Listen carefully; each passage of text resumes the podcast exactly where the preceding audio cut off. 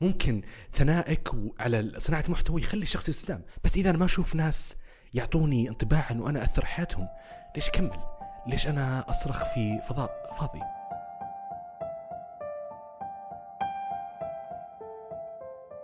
مساء الخير. حياكم الله مستمعينا الكرام في بودكاست بصراحة. وزي ما عودناكم في بودكاست بصراحة نتكلم على مواضيع بصراحة.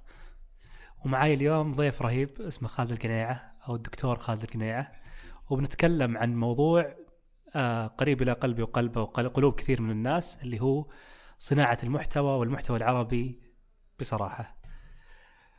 خالد صناعة المحتوى العربي والمحتوى العربي بصراحة وش اللي قاعد يصير؟ ليش الضعف عندنا في المحتوى العربي؟ وليش بصراحة إحنا يمكن نعتبر مع إن اللغة العربية متحدثينها كثير جدا حول العالم آه إيش اللي قاعد يصير بصراحة؟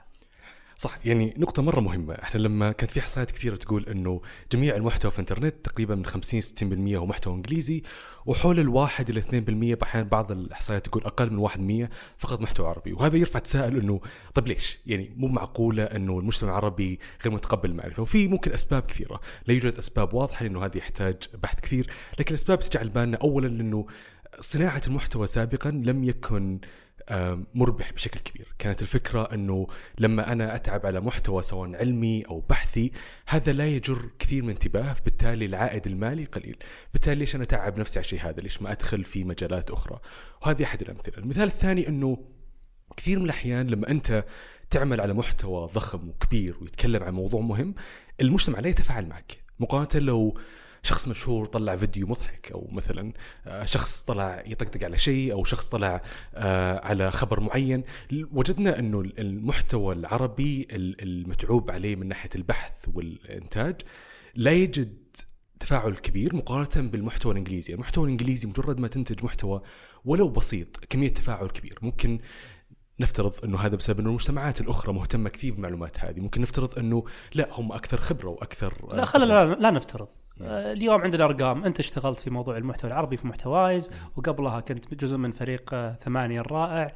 وأنا نفس الشيء كنت مدون وكنت أشتغل في المحتوى العربي كثير في أكثر من من أيام المنتديات. آه، إيش اللي صار؟ يعني هل اليوم ضعف إقبال الناس خاصة العرب وفي السعودية تحديدا على المحتوى؟ هل لأن الناس صارت تتعب من القراءة الطويلة؟ قاعدة تتحول آه يتحول سلوكها في استهلاك المحتوى من طريقة لطريقة. الناس ما لها خلق تقرأ مقال ولا تدوينة طويلة ولا تقرير. لا تبغى شيء بسيط قصير آه، في 140 حرف. حتى ناس زعلوا يوم زادوا تويتر الحروف. هل هذا السبب؟ والناس قاعدة تتحول من المحتوى الطويل إلى على قولتهم إلى المحتوى القضمات أو اللي يسمونها ال nugget content nuggets هل هل هذا السبب ولا لأنه الناس تحولت إلى شكل آخر من المحتوى اللي هو المحتوى المسموع زي اللي قاعدين نسويه إحنا الحين أو المحتوى المرئي وش اللي قاعد يصير طيب يعني هذه نقطة مهمة، إذا أنا كفرد أروح اليوتيوب ألقى مقطع مصمم بطريقة مرة ممتازة مدته أربع دقائق ثلاث دقائق وأقدر حتى أسرعه. ليش أروح وأجلس مقالة تاخذ مني 15 دقيقة و 20 دقيقة؟ يبدو أن إحنا نبحث عن شيء بسيط ومليء بالمحتوى الجذاب سواء صوتيا ومرئيا فنقول أي شيء مكتوب ياخذ وقت طويل ما يحتاج. خليني هل لاحظت هذا فعلا؟ لاحظت هذا الشيء؟ لما كنا في محتوايز نشر مقالات كنا نحط رابط إنه الواحد يروح الموقع. وكنا نسال كثير من الأشخاص وكنا نعمل آه، إحصائيات في تويتر ونذكر إنه هل أنت تقرأ المقال؟ لا. وتفاجئنا إنه تقريبا 10 20% يقرون. يقرون فقط من الأصل كل من الآخرين كل اللي شاركوا. وهذا تفاجئوا إنه طيب حاطين ال link المقالة متعوب عليها. وكان أحد الأجوبة إنه مشوار اضغط على الرابط بعدين يوديني الموقع ابي شيء بسرعة. فاللي سويناه انه إحنا سوينا تصميم طويل بحيث انه انت لو تمشي في تويتر تلقى المقالة بضغطة واحدة. يفتح لك زي ال infographics بس هنا طويلة. وجدنا كثير من الناس يقرونها ونحط حتى مدة قراءة نقول إنها هي دقيقتين أو ثلاث دقائق. فيعني التحدي اليوم أمام صانع المحتوى كان في السابق هو البحث والكتابة. اليوم بعد في الإخراج. هل هل هذا الموضوع نقدر نقول إنه اليوم هذا تحدي إضافي على كاتب المحتوى لا يكفي أن تكون كاتب محتوى أو صانع محتوى آه وباحث في المحتوى وإنما بعد لازم تكون مخرج جيد للمحتوى. هل هل أقدر أقول هذا الكلام آه، اليوم صار واجب آه، أو شرط من شروط إن محتواك ينتشر؟ بالضبط. يعني ممكن تتعب وتجتهد وتعمل بشكل كبير على أنه أنت تصنع محتوى. بس إذا ما اخرجته بطريقة جذابة بطريقة تجذب الانتباه تقريبا قليل جدا إن يس- يستمعون له ويقرؤونه ويشوفونه. وهذا اللي لاحظناه حتى في البودكاست لما نعمل إنتاج. يعني ممكن تلاحظ إنه البودكاست كثير ما يكون في أي شيء سواء ال background تكون music واحدة أو ما يكون في أي background أو خلفية للموسيقى. لا تستخدم مصطلحات إنجليزية لو صح صح. اسلم. فإيش اللي سوينا؟ قلنا خلينا إحنا نعمل إنتاج بطريقة مختلفة، إنه كل دقيقة نشوف إيش ال- ال- المعلومة المذكورة في الحلقة الصوتية ونحط عليها آه، أغنية بطريقة تلائم مشاعر النص، ونحط مؤثرات صوتية، وجدنا كثير من الناس يقول آه الآن بديت أسمع، كنت سابقا أسمع دقيقتين ووقف. وهذا مخيف. طب ليش لازم أنا ك كصانع محتوى إن بدل أهتم على جودة المحتوى وأهميته واثرها الإيجابي أصير أهتم على كيف إني أنا ما أخسر انتباهك كل ثانية؟ هل هذه مشكلة اليوم؟ مشكلة الانتباه أو ال ال يسمونها الاتنشن سبان أو فرط الانتباه أو تشتت الانتباه اللي صابت كثير من من المستخدمين اليوم بسبب خلينا نقول طوفان المحتوى اللي صار.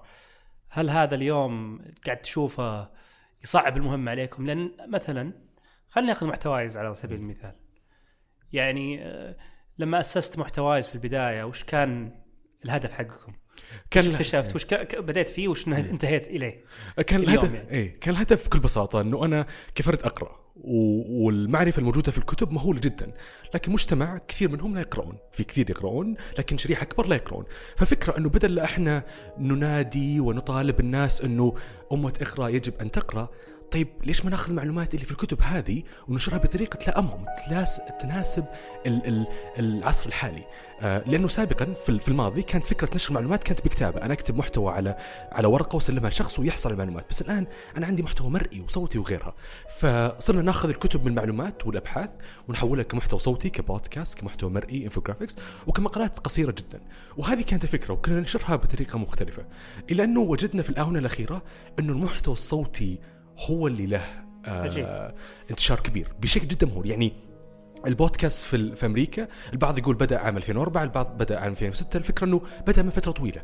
البودكاست العربي قبل سنتين لما كنا نعمل على فكرة محتوايز وكنا نشوف آيتونز كان ما في إلا قصص أنبياء وشيلات. وكان في ثمانية على أي. أعتقد وكان بعض البودكاست ما كان في يعني كان قليل جدا الان لما تفتح الايتونز ال- الكل أشبه بالسوق المكتظ بالأشخاص وهذا حتى يطلع هذا في البر برا ولا الآن؟ الآن الآن الآن. الآن في المحتوى العربي مهول يعني تقريبا يعني ال- البودكاست اللي تفتح بشكل جديد هائلة جدا إلى أن المحتوى شيء مو بسهل عمله أنت إيه. تقدر تفتح بودكاست تقدر تتعب عليه تقدر تصنع مش مشروع تلو الآخر بس الفكرة إنه الموضوع يحتاج تخطيط مرة كبير. كمية ال- وجلد يعني أنا بصراحة يعني عبد الرحمن أبو مالح هنا اوجه له رسالة صراحة. إيه. يعني إنك تكون ملتزم في فنجان بودكاست زي فنجان وتجيب ناس يعني شخصيات كثير اكتشفناها في فنجان وكذا. إنك تكون ملتزم منضبط في نشر واتوقع هذا هل هذه خلينا نقول صناعة المحتوى هل ينطوي عليها يجب ان واحدة من علامات إنك تكون صانع محتوى جيد إنك تكون إنسان عندك جلد والتزام بالكتابة ولا لا ممكن تكون إنسان غير منضبط؟ آه وما عندك آه استمرارية في كتابة المحتوى وتصير كاتب جميل أو صانع محتوى جيد. بالضبط يعني في أكثر من عامل يلعب دور ان محتواك له أثر كبير أو خلينا ناخذها. أول شيء استدامة يعني كثير من المشاريع وكثير من البودكاست إنه هو ينتج لي لمدة شهر شهرين بعدين يوقف. الفكرة انت كيف تبقى على المدى الطويل ال- ال- الموضوع مو بإني أنا أبدأ مشروع نشر محتوى أو بودكاست أو غيره على المدى القصير الموضوع مو بسبرنت. مو بركض بشكل سريع الموضوع هو شبه بالماراثون أنت تفكر على المدى الطويل. هذا اولا. ثانيا لازم تفكر إنه في كثير من المشاريع كثير من البودكاست موجودة نشر محتوى كثير من الكتاب كثير من صانعي المحتوى. إيش اللي يميزك؟ يعني ليش أنا أجيك؟ بكل بساطة فكر فيها أنا كمستمع قصدي. كمستمع كصانع محتوى مرئي وغيرها كأنه شركة. إيش ال added value تبعك أو إيش اللي يميزك أنت كفرد؟ ثالثا إنه كان في كتاب اسمه Contagious مرة عظيم. آه، تج... لها آه، ترجمة بالعربية اسمه أتوقع معدي أو العدوى. وكان يتحدث عن إنه كيف المحتوى ينشر. وكثر وذكر أكثر من من عامل. ومن أحد الأمثلة كانت word of mouth الكلمة ممكن ترجمتها مع تسويق المنطوق. تسويق المنطوق. إنه أنا كفرد لما أنتج محتوى أقول لزميل الزميل يقول لشخص آخر وغيرها حتى ينتشر بشكل كبير لأنه مو مهم ان انت تنتج محتوى بعدين بعدين تتباكى على إنه لا يوجد أشخاص آه، مهتمين بالموضوع هذا. المهم إن أنت تضع وقت للتسويق بقدر ما تضع وقت لإنتاج المحتوى هذه أمر لا لا ما لا مفر منه يعني. موضوع التسويق والإخراج اليوم بعد نقاشنا في الحلقة هذه قلنا إنه كتابه المحتوى يعطيك العافية كتبت المحتوى بس بصراحة إذا ما حطيت حيلك في طريقة إخراج المحتوى اللي أنت تعبت عليه وصنعته بطريقة مختلفة إما بشكل مسموع أو حتى شكل مرئي يمكن ما يكون يكتب لمحتواك الوصول للشريحة اللي انت تستهدفها.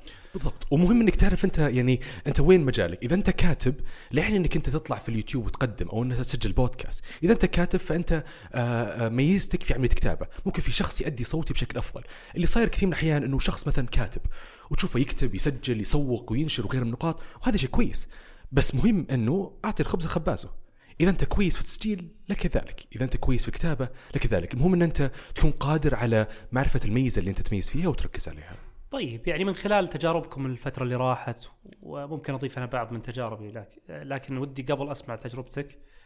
أم، أشكال المحتوى اليوم اللي تشوف أنها قادمة بقوة الفترة الجاية يعني مثلا على سبيل المثال تويتر أفعلت موضوع ال- الت- التغريد الصوتي. صح. ايمانا منها إن العالم قاعد يتحول الاستماع. آه، اليوم الكتب المسموعة في سواء ضاد ولا مسموع آه، ولا أو آه، كتاب مسموع ولا Audible dot com قاعدة تنتشر انتشار النار في الهشيم هل العالم قاعد يتحول إلى السماع؟ أو القراءة بتكون باقية موجودة؟ أو وش بالضبط التحول اللي قاعد يصير أو اللي بيصير؟ مستقبلا. وين تشوف الدنيا رايحة؟ بالضبط. يعني هذا الموضوع مرة مهم. حتى في إحصائيات خرجت طبعا من أمريكا قليل من الاحصائيات في السعودية إنه كيف إن عدد القراء يقل وعدد ال- ال- المهتمين بالمحتوى الصوتي المستمعين له يزداد. وراح نضع الروابط في الأسفل حتى لا أخطأ في الرقم. اللي وجدناه إنه الحياة الآن متسارعة. أنا دائما منشغل. أنا دائما في السيارة. أنا دائما أمشي وغيرها من النقاط. فالمحتوى الصوتي هو المثالي في الوقت الحالي. بمعنى أنه أنا عالق في الزحمة. ليش أسمع الراديو يعطيني إعلانات كل شوي ويتكلمني على مثلا أشياء ليس لها أثر كبير إما اتصال ولا تهنئة أو غير النقاط. طب ليش ما أنا استمع لمحتوى وباختياري؟ بمعنى أنه يعني اتذكر سابقا آه، الفرق بين التلفزيون واليوتيوب. التلفزيون كان أنت تجلس وهو يعرض لك اللي هو يبيه. اليوتيوب أو نتفليكس إن أنت تختار المحتوى اللي تريده في الوقت اللي تريده. وهذا اللي صار في البودكاست. إنه أنا كمحت كمستمع أقدر أروح لأي بودكاست سواء business سواء آه ثقافي علمي اجتماعي أو غيره وأصير أختاره وهذا أتاح لكثير حرية اختيار محتوى فصار له نمو هائل جدا. يعني سابقا لما كنا نعمل محتوايز كنا مركزين على على البودكاست وجدنا إنه كثير من البودكاست الآن تنتشر بشكل كبير. فصار الموضوع إنه حتى الشركات والجهات الحكومية تدخل في إنتاج البودكاست. إنه وجدت إنه كثير من ال- ال- ال- المجتمع بدأ ينجذب بالشيء هذا كمية الأعداد اللي مستمعين مهولة. سابقا لما تقول أحد آه أنا عندي بودكاست يقول لك أوه برودكاست قصدك حق الواتساب اللي أنت تعمل الواتساب، إيه. بودكاست كم كان فتضطر إنك تعلم عنها فيعني يعني صرنا الآن بدل انه إحنا محتوايز وش أحسن ترجمة لكلمة بودكاست؟ اللي وجدناه إنه ما لها ترجمة يتم استخدامها نستخدم كلمة مفردة بودكاست اي. آه أو ممكن تقول محتوى صوتي بس لأن إيه. هي كلمة إنجليزية إيه، بحب بودكاست زي ف- التلفزيون تلف... آه، يعني بالضبط إيه. TV تلفزيون مقرب طيب آم، يعني اليوم آم، اللي قاعد يصير في المحتوى العربي إنه يعني ما لحقنا على ال على ال wave حقت اللي هو إيه. خلينا نقول أو موجة المحتوى العربي ال- في في محركات البحث خلينا نقول ضعيفين فيها. إذا بحثت في مصطلحات كثيرة في الغالب إنك تلقى عشرة أضعاف المحتوى بالإنجليزي كجودة وحتى كم وكيف أعلى بكثير من. أعطيك مثال قبل فترة كنت أبغى أشتري أو شريت أجهزة أجهزة لوحية لبناتي. وكنت أبغى أبحث عن مقالات أو تدوينات أو محتوى. آه لطريقة إعداد الآيباد أجهزة اللوحية بشكل جيد بحيث أنها تكون مناسبة للأطفال. كتبت في جوجل في البداية. بديت أركز في العربي في البداية. بعدين أشوف الإنجليزي. قبل كنت العكس.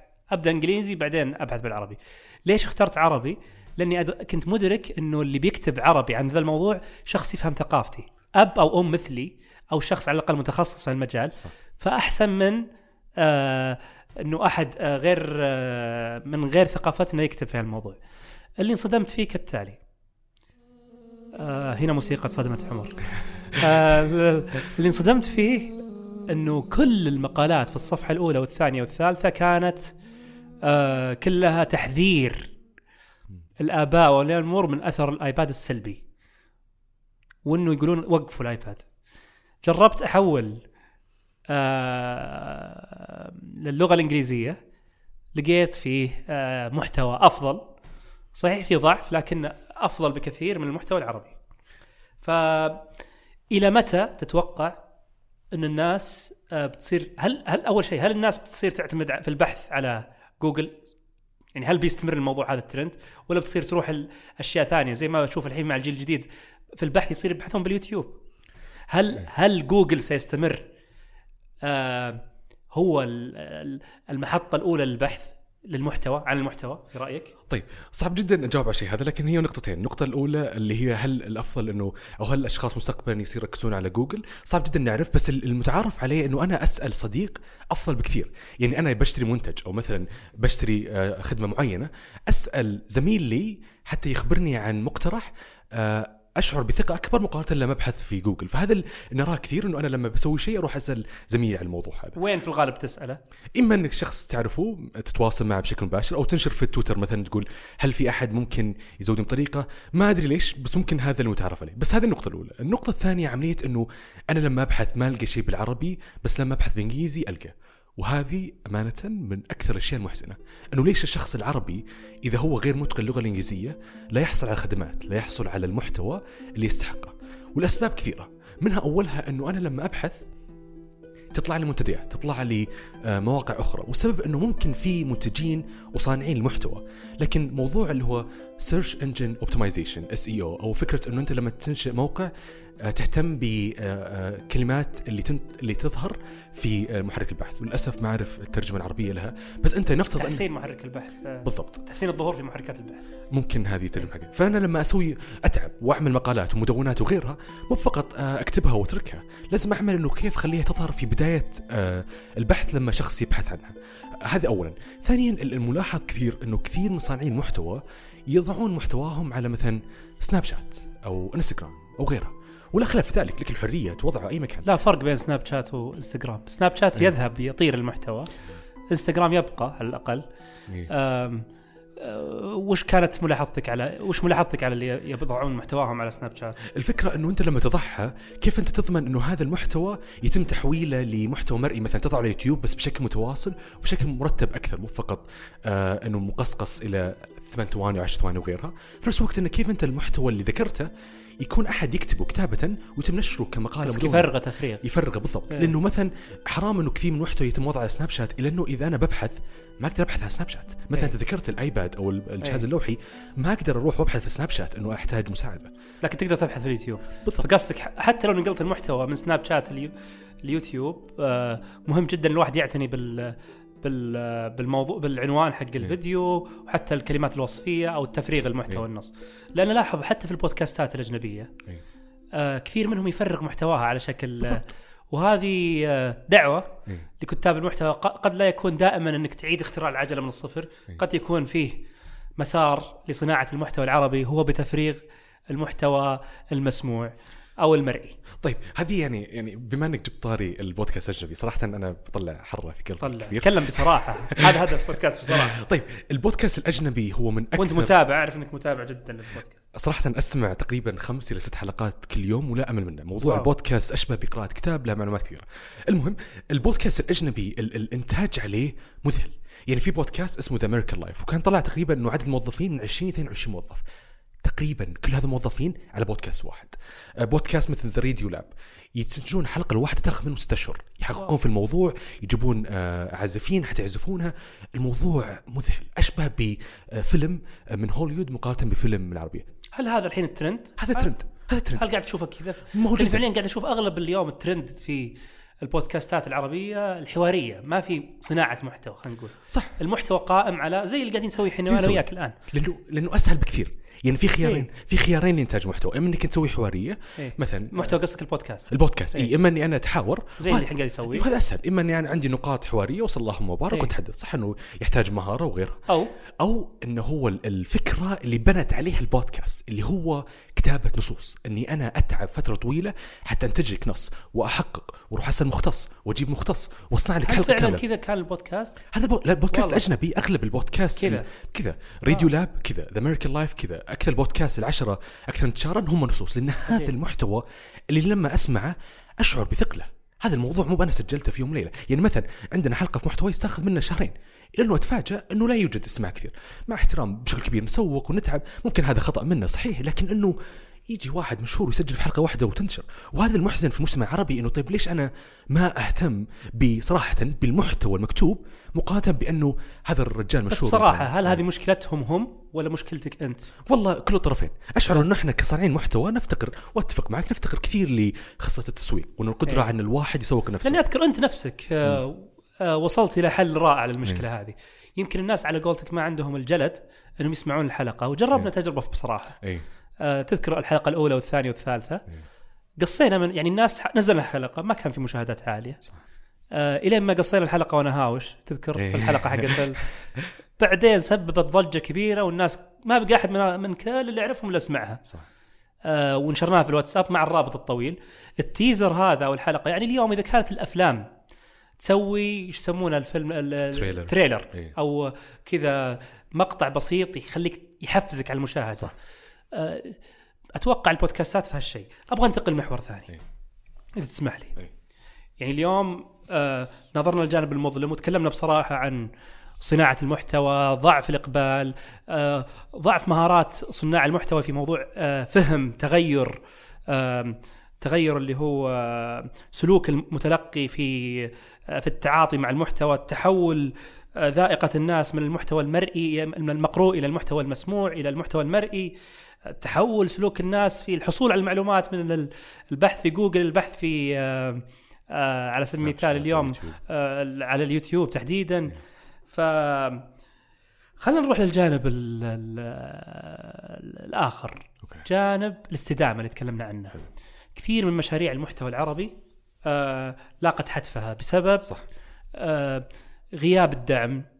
آه مشاريع المحتوى زي ما تفضلت وذكرت تحتاج عمل دؤوب وتفرغ وتحتاج آه عمل آه عمل جماعي ما هو بعمل فردي. آه جت فترة من الفترات في السعودية لو بقسمها لثلاثة أجيال في جيل المنتديات. كان جيل جميل جدا والمنتديات خرجت كتاب رائعين جدا. نذكر منتديات بدأت بالساحات ثم بعد ذلك انتقلنا يمكن قبل لا تولد أنت. أو آه، عمري 23 فممكن. إيه ما لحقت عليها أنا لحقت عليها هذه. وقد تكلم عنها فيصل الخميسي الله يذكره بالخير في تويتر اللي هم الرعيل الأول من مستخدمي الإنترنت. كنا صناع محتوى من الدرجة الأولى لكن كانت ال... كان المح... المحتوى الحاوية له المنتديات. وكان في نقاشات وحوارات وفيه آه ناس يكتبون شعر أدب نثر مراجعات وغيرها من الأشياء. منتديات زي جلسة الثقافة زي اللوكا ال- ال- حقين الحديث في في كل تخصص. هذه استمرت تقريبا عشر سنين 12 سنة. بعدها جاءت آه، ثورة المنتديات. نقلة نوعية. حولت آه، الموضوع إلى آه، كتاب أفراد. كل واحد يكتب بنفسه. وخلقت زي المجتمع بين الكتاب الكتاب اللي هم المدونين. وصارت هبة مب- مي بهينة. طبعا ال- الانتقال هذا صار لأسباب كثيرة يمكن ما أحد حللها بشكل جيد ولا عندي الإجابة لكن أنا بما أني عشت الطفرتين واحدة من الأسباب كانت الضغوط اللي كانت تمارس على أصحاب المشاركين في المنتدى أنه يجب عليك أنك ما ما تكتب هذه أو لا تخرج عن النص أو أحيانا بعضهم يحذف مواضيعك بدون ما يقول لك شيء. آه، وشعور بعض الكتاب في المنتديات أنه المنت... أن المحتوى مو ملكي ملك صاحب المنتدى ممكن يقفل بكرة ويروح عليه. إيه. خلني أحسن أكتب في هالمدونه وأخذ راحتي تماما. صح. وهذا اللي خلق جيل المدونين. كانت في البدايات آه، الله يرحمها هديل الحضيف آه، أول من بدأ التدوين يعني كانت من أوائل اللي بدأوا. وجيل كثير فؤاد الفرحان آه، شاهي أخضر الله يذكره بالخير. ناس كثير بدأوا موضوع التدوين وصار فيه يعني كوكبة في هالمجال. استمرت تقريبا سبعة لثمان سنوات وكانت هبة هبة بمعنى الكلمة. لدرجة إنك إذا بحثت عن كثير من المواضيع بتلقاها بدل ما تطلع لك كانت المنتديات في نتائج البحث كانت مد- مدونات صح. مثال اللي كان يبحث عن بادر كان يطلع له مدونتي تجربتي السيئة مع بادر سابقا بعدين حسنتها وكذا. بس فعليا اللي خدم المحتوى العربي وظهور المنتديات خاصة مع أنظمة زي WordPress وال... وإنها فاهمة جدا لل SEO اللي تكلمنا عنه وتحسين محركات البحث. بعد هذه اختطف المحتوى العربي. اختطف آه من قبل الشبكات الاجتماعية وتحديدا آه تويتر حلو وقبلها الفيسبوك ومن تالي سناب شات في صناع محتوى عظيمين اليوم محتواهم زي ما قلت قاعد يفقد. سناب شات أنا أراه مقبرة المحتوى خاصة إذا لم يتراجع عن موضوع حفظ المحتوى صح. وسالفة ال 24 ساعة وراحت. Okay في حلول رائعة ومبدعة زي ما سوى موجز آه اللي هو عذبي المطيري إنه ياخذ المحتوى يحاول ينقذ أنا أسميه هو حفار القبور. ياخذ ال- الناس إذا دفنوا في المحتوى يطلعهم من القبر ويحطها في موجز. الله يجزاه خير. لكن زي ما تفضلت وذكرت إنها ما هي بطريقة جيدة للبحث المحتوى قاعد يروح ما يوثق لا يظهر في جوجل في النهاية. اليوم هذه الأجيال هل في مساحة تشوفها موجودة لشركات تخصصها الأساسي صناعة محتوى شبيه؟ هل لقيتوا تقدير من السوق أو من الجهات لما تقدمونه من بضاعة اللي هي بضاعة المحتوى؟ طيب لا خلاف في ذلك. الآن ملاحظ في السوق إنه كمية الشركات تنتج محتوى لها آه، عدد آه، زبائن مثلا هائل أو لها أو ما نسميه ب market share أو السوق آه، جزئية من السوق هائلة جدا. الا أنه فقط نقطة أبي أرجع لها اللي قلت إنه عملية الاستدامة وانه كيف الكتاب كانوا يكتبون سابقا ويوقفون. طب ليش الشيء هذا؟ سابقا كان لما أنا نصنع محتوى ما في sponsorship أو رعاة. في الخارج لما أنت يكون عندك بودكاست لما يكون أنت عندك مدونة وغيرها في رعاة بالكثير. في شركات تدفع لك إن أنت تذكر اسمهم بس المحتوى العربي قليل جدا وش السبب؟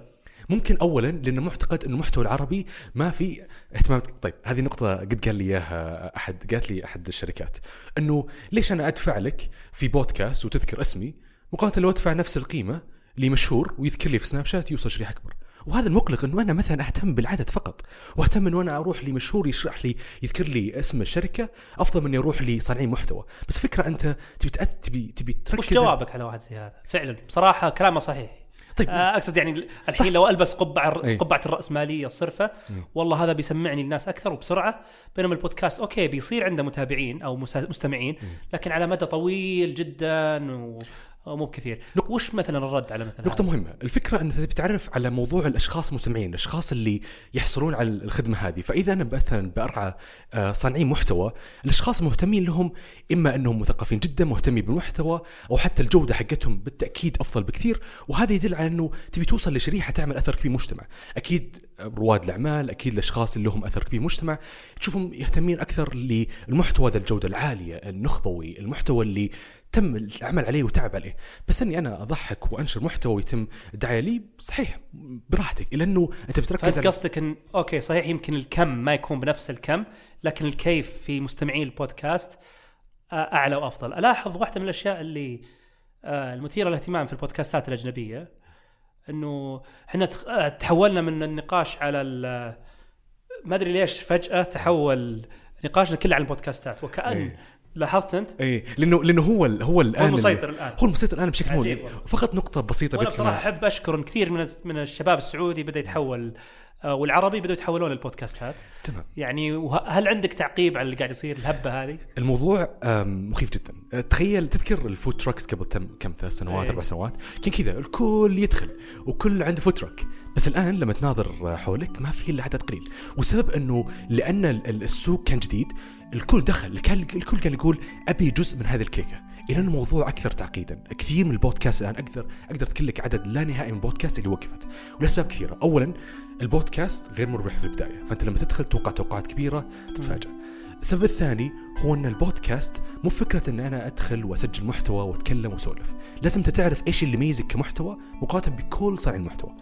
ثالثا موضوع صناعة محتوى مرة معقد، لازم تعرف كيف طريقة الإنتاج، كيف طريقة التسويق، كيف إن نصنع محتوى بودكاست صوتي. وأنا أقول لك اياها صراحة لو ما كان عندنا شريك اسمه خالد القنيع ومحتواي في بصراحة إيه. ما أتوقع كنا بنطلع بالجودة اللي طلعنا فيها لأن في زي ما تفضلت إنه فيه أحيانا العناية ببعض التفاصيل زي ال- الخلفيات الموسيقية القصقصة الايديتنج في الموضوع الموضوع مو فقط آه شغل صح صح. شغل الكاميرا وسولف إيه. زي ما تفضلت. إيه. لا في في جهد كبير يصير. الناس صح. يمكن ما تعرف إن حلقة بصراحة الواحدة تأخذ من 10 ل 15 يوم عمل اللي هو آه آه اللي هو عمل آه ما بعد الحلقة. صح. طيب قلنا الرعاة هذا عامل مهم في الاستدامة. اثنين آه آه، إدارة التوقعات.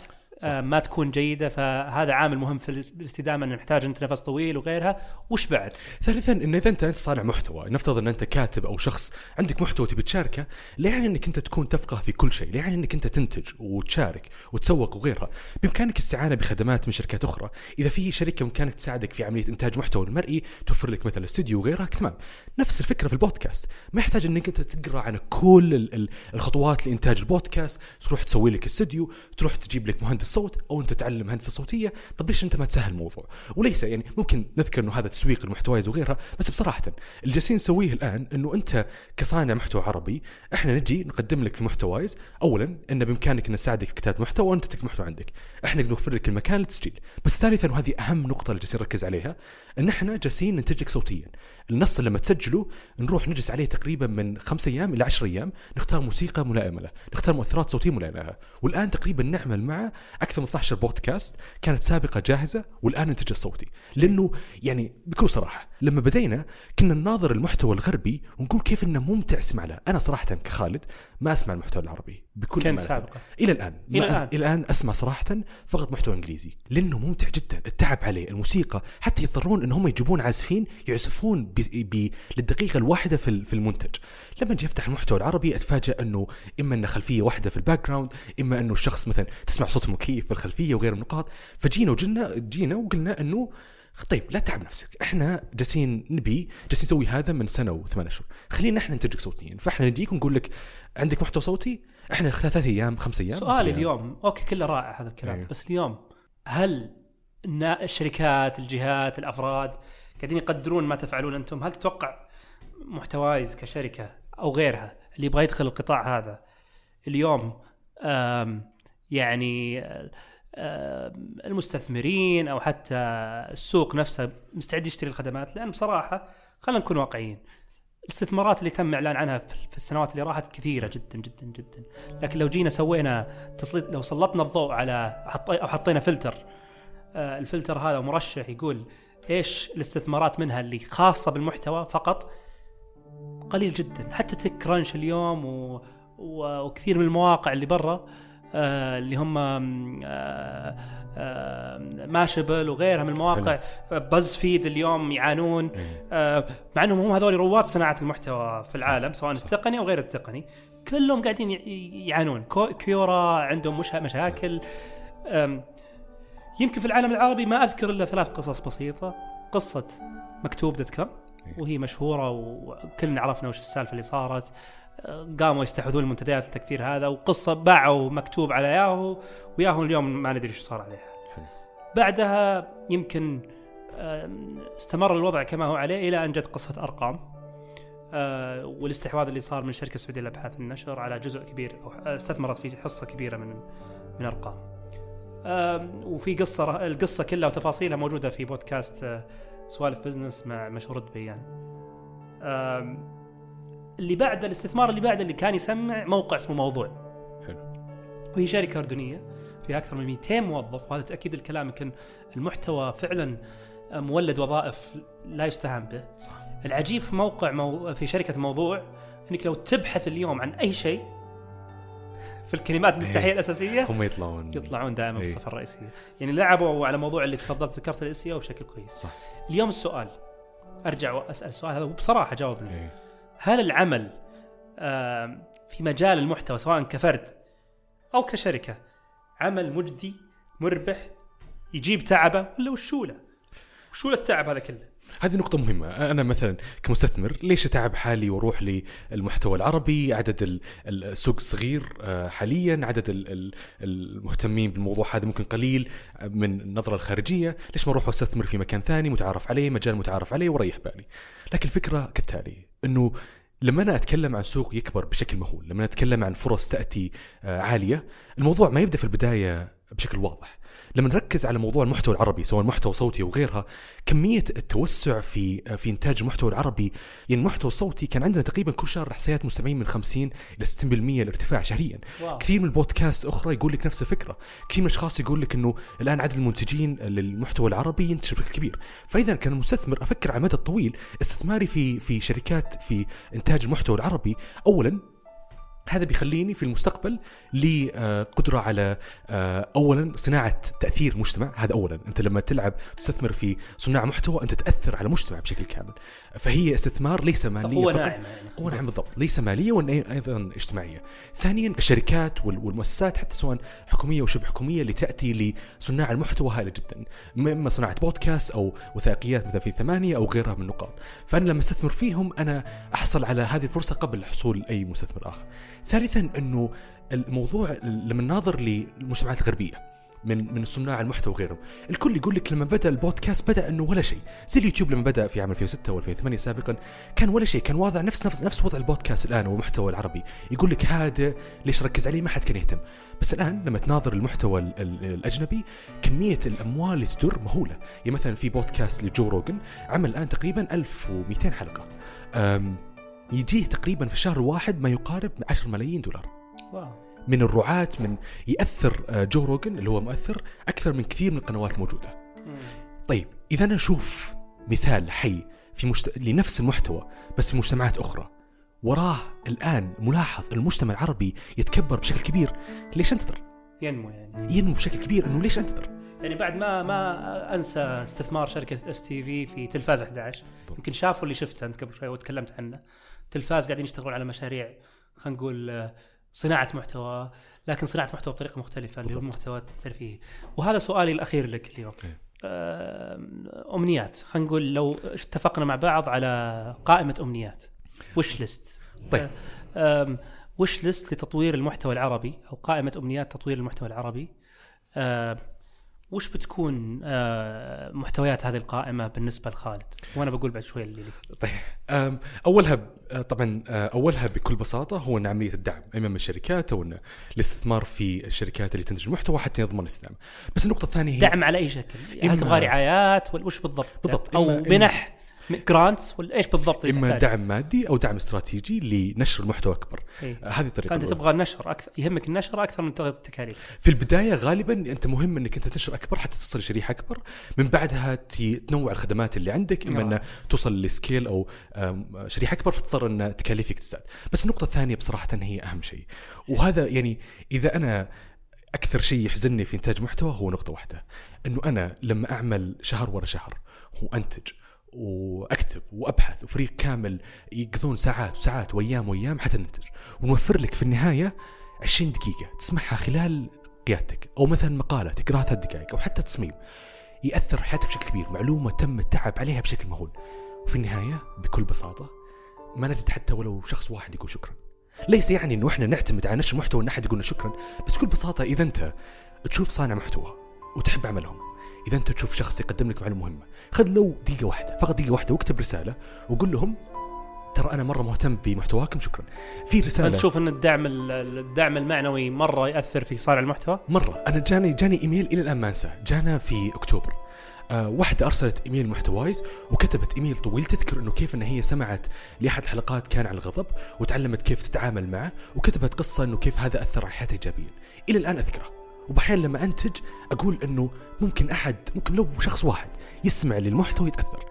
بس في نفس الوقت لما أنشر محتوى ولا أحد يتفاعل محزن جدا. وأعتقد هذا صح إنه هذا على عاتقي لأنه عاتق إنه ممكن ثنائك على صناعة المحتوى يخلي الشخص يستدام ممكن أنا عندي مال وقيمة مالية تخليني أنتج محتوى هائل.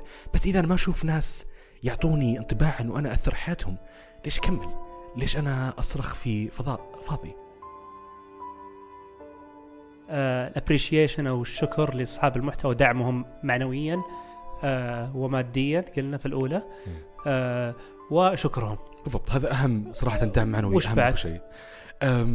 ما يجي على بالي كثير بس النقطة الثالثة اللي هو أعتقد أن هي مهمة أنه كثير من الآن من صناع المحتوى ظهروا. وأصبح الفكرة للأسف تحولت من أنه إحنا نساعد المجتمع المجتمع أن إحنا نتنافس وكل واحد يحاول يطيح بالثاني. أنا آه مثلا أنشر محتواي ولا أقول عن محتواك مثلا. والفكرة في كل هاي لو إحنا ننظر الموضوع من شكل مبدئي كنا بدأنا حتى نساعد المجتمع كنا بدأنا صناعة المحتوى. إما البعض بدأ لقيمة مالية لكن كثير بدأ حتى أنا أقدم محتوى يفيد المجتمع. فأنا لما أساعد صانع محتوى ثاني هذا يرد علي بطريقة أخرى. فمثلا صرنا الآن في محتوايز انه في بداية كل حلقة آه كثير نسأل نقول إن آه شوفوا البودكاست الثاني اللي هو يهتم. بودكاست ثاني يقول شيء ثاني. هل نحصل قيمه مالية ولا ريال واحد؟ ليش؟ لأنه في النهاية بعيدا عن كل التحدي وال- والمنافسين وغيرها الموضوع إن إحنا نبي نفيد المجتمع. وهذا اللي كان فعلا في فترة المنت... ال... ال... فترة الم- المدونات يعزز الشيء. يعني كنت تدخل كل مدونة على اليسار المدونات الصديقة فتضغط عليها وتروح تكتشف مدو... تدوي... مدونات الأشخاص آخرين وهكذا. كذا انتشرت. يفيد لأن ما كان في موقع واحد يجمعهم. صح. آم... طيب أعتقد جاء دورك. يعني أنا قائمة ال- الأمنيات عندي آم، طويلة جدا يمكن. كان واحدة منها على سبيل المثال آه، هي إيجاد أوعية للمحتوى ال- العربي متخصصة بالمحتوى العربي آه، ومصممة للمحتوى العربي. واحدة من الأشياء اللي كنت أتمناها دائما والحين بديت أحقق جزء منها هو ما يسمى بإعادة تدوير المحتوى القديم. جربنا مثلا في حساب 2030 أحد الحسابات أخذنا آه، مداخلات سمو الأمير محمد بن سلمان في المؤتمر الصحفي في لقاءات العظيم مع تركي الدخيل ومع داود الشريان وحولناها لمحتوى مرئي. وفعلا الناس ما دروا عن المقابلة الأساسية ما حد شاف المح... ال- ال- اللقاء الطويل شافوا هالإجابة والسؤال. أزعم إنه بالإضافة للقاءات التلفزيونية وال وال واللقاءات المطولة في خلينا نقول المؤتمرات الصحفية في محتوى هائل سواء في المكتبة العربية كقصص كروايات ككتب تراث قابله للتحويل بشكل رائع جدا إلى محتوى جيد. يعني أشوف تجربة الحين يعرب في مسامير أو ميركوت شباب مالك وعبد العزيز قاعدين يصنعون المحتوى based on أو بناء على التاريخ. فإعادة تدوير المحتوى القديم أعتقد انها واحدة من الأشياء اللي أتمنى أشوفها بشكل كبير. كذلك هو تمهير وتحويل صناعة المحتوى كمهنة معتبرة. بالضبط. فما في تمهير أو خلينا نقول تخريج الكتاب وصناع محتوى وكان الاعتماد بشكل كبير إن الشخص يطور نفسه بنفسه أو يعرف المهنة هذه بال آه، بالتجربة والخطأ أو إنه هو التعليم الذاتي. العملية بصراحة تحتاج دراسة وتعلم. بحث. وبحث ولها منهجيات ولها تكنيكس ولها تكتيكات مختلفة فالعملية ليست آه، صدفة وليست آه، فجأة لازم الواحد يتعب عشانها. أم، وآخر شيء آه، رسالة لكل صناع المحتوى العربي. أم، أتمنى فعلا شكرهم لكن غير الشكر ما أنسى ابدا شيء صار في حياتي كصانع محتوى اثر فيني. وكانت جائزة هديل للتدوين. في عام 2008 أو 2009 استحدثت مسابقة اسمها مسابقة آه، جائزة هديل للتدوين. أسست بعد وفاة آه، هديل الحضيف الله يرحمها. وكرموا فيها الفائزين وفي محكمين مختلفين. اللي اتمناه استحداث جائزة آه، مو فقط نخلي موضوع الشكر يجي بشكل عشوائي وإنما يصير بشكل ممنهج. وإقامة مثل هالجائزة، وش رأيك بفكرة زي كذا؟ تعقيب الموضوع في جائزه جائزة الإعلام الجديد أي. هذه الأولى. لأنه صحيح هذه اللي سوتها وزارة الإعلام صح؟ لأنه في أمريكا في جائزة حتى لأفضل البودكاست جائزة عجيب. لأفضل ال- ال- القنوات في اليوتيوب جائزة لأفضل المدونين. فحتى ليش مهم إنه الجائزه ليس فكرة فقط إنه أنا أقدر وأشكر هذا جدا مهم. لأنه لما أنا كفرد أرى إنه صانع المحتوى يتم تقدير المجتمع صح. أشعر برغبة ان يوما ما أريد أن أكون نفس هذا الشخص. صحيح. فيصبح إنه حلم يراد وليس شيء آه، استثنائي عند بعض الأشخاص. فبيكون مرة عظيم لو وجدنا شيء عربي. وشفنا إن مثلا في جائزة ال- ال- الإعلام الجديد اللي صارت من وزارة ال- الإعلام والثقافة سابقا. وأتمنى الحين بعد وزارة الثقافة ننتظر إعلانات آه، الوزارة الجديدة آه، لأنه بيعلنون استراتيجيتهم في ال- القادمة. لكن اكتشفوا الناس. إحنا كنا نعرف عبد الرحمن أبو مالح مثلا نعرف الخميس بودكاست اباجوره لكن ناس كثير ما كانوا يعرفونهم. وأعطتهم ال- الجائزة زخم و- وتسلطت الضوء عليهم وشعرتهم بالتقدير لجهودهم. فنتمنى والله الله يكثر من هالجوائز هذه بشكل مستمر. وإثراء كان لهم تجربة رائعة بصراحة أذكر. آه، على وقت الدكتور خالد اليحيى كان عندهم جائزة إثراء الإعلام الجديد. وأذكر في حركات آه، والله يذكره بالخير. طيب الذكر يا داود فزنا بجائزة آه، صناعة المحتوى. كان زي الأوسكار للمحتوى.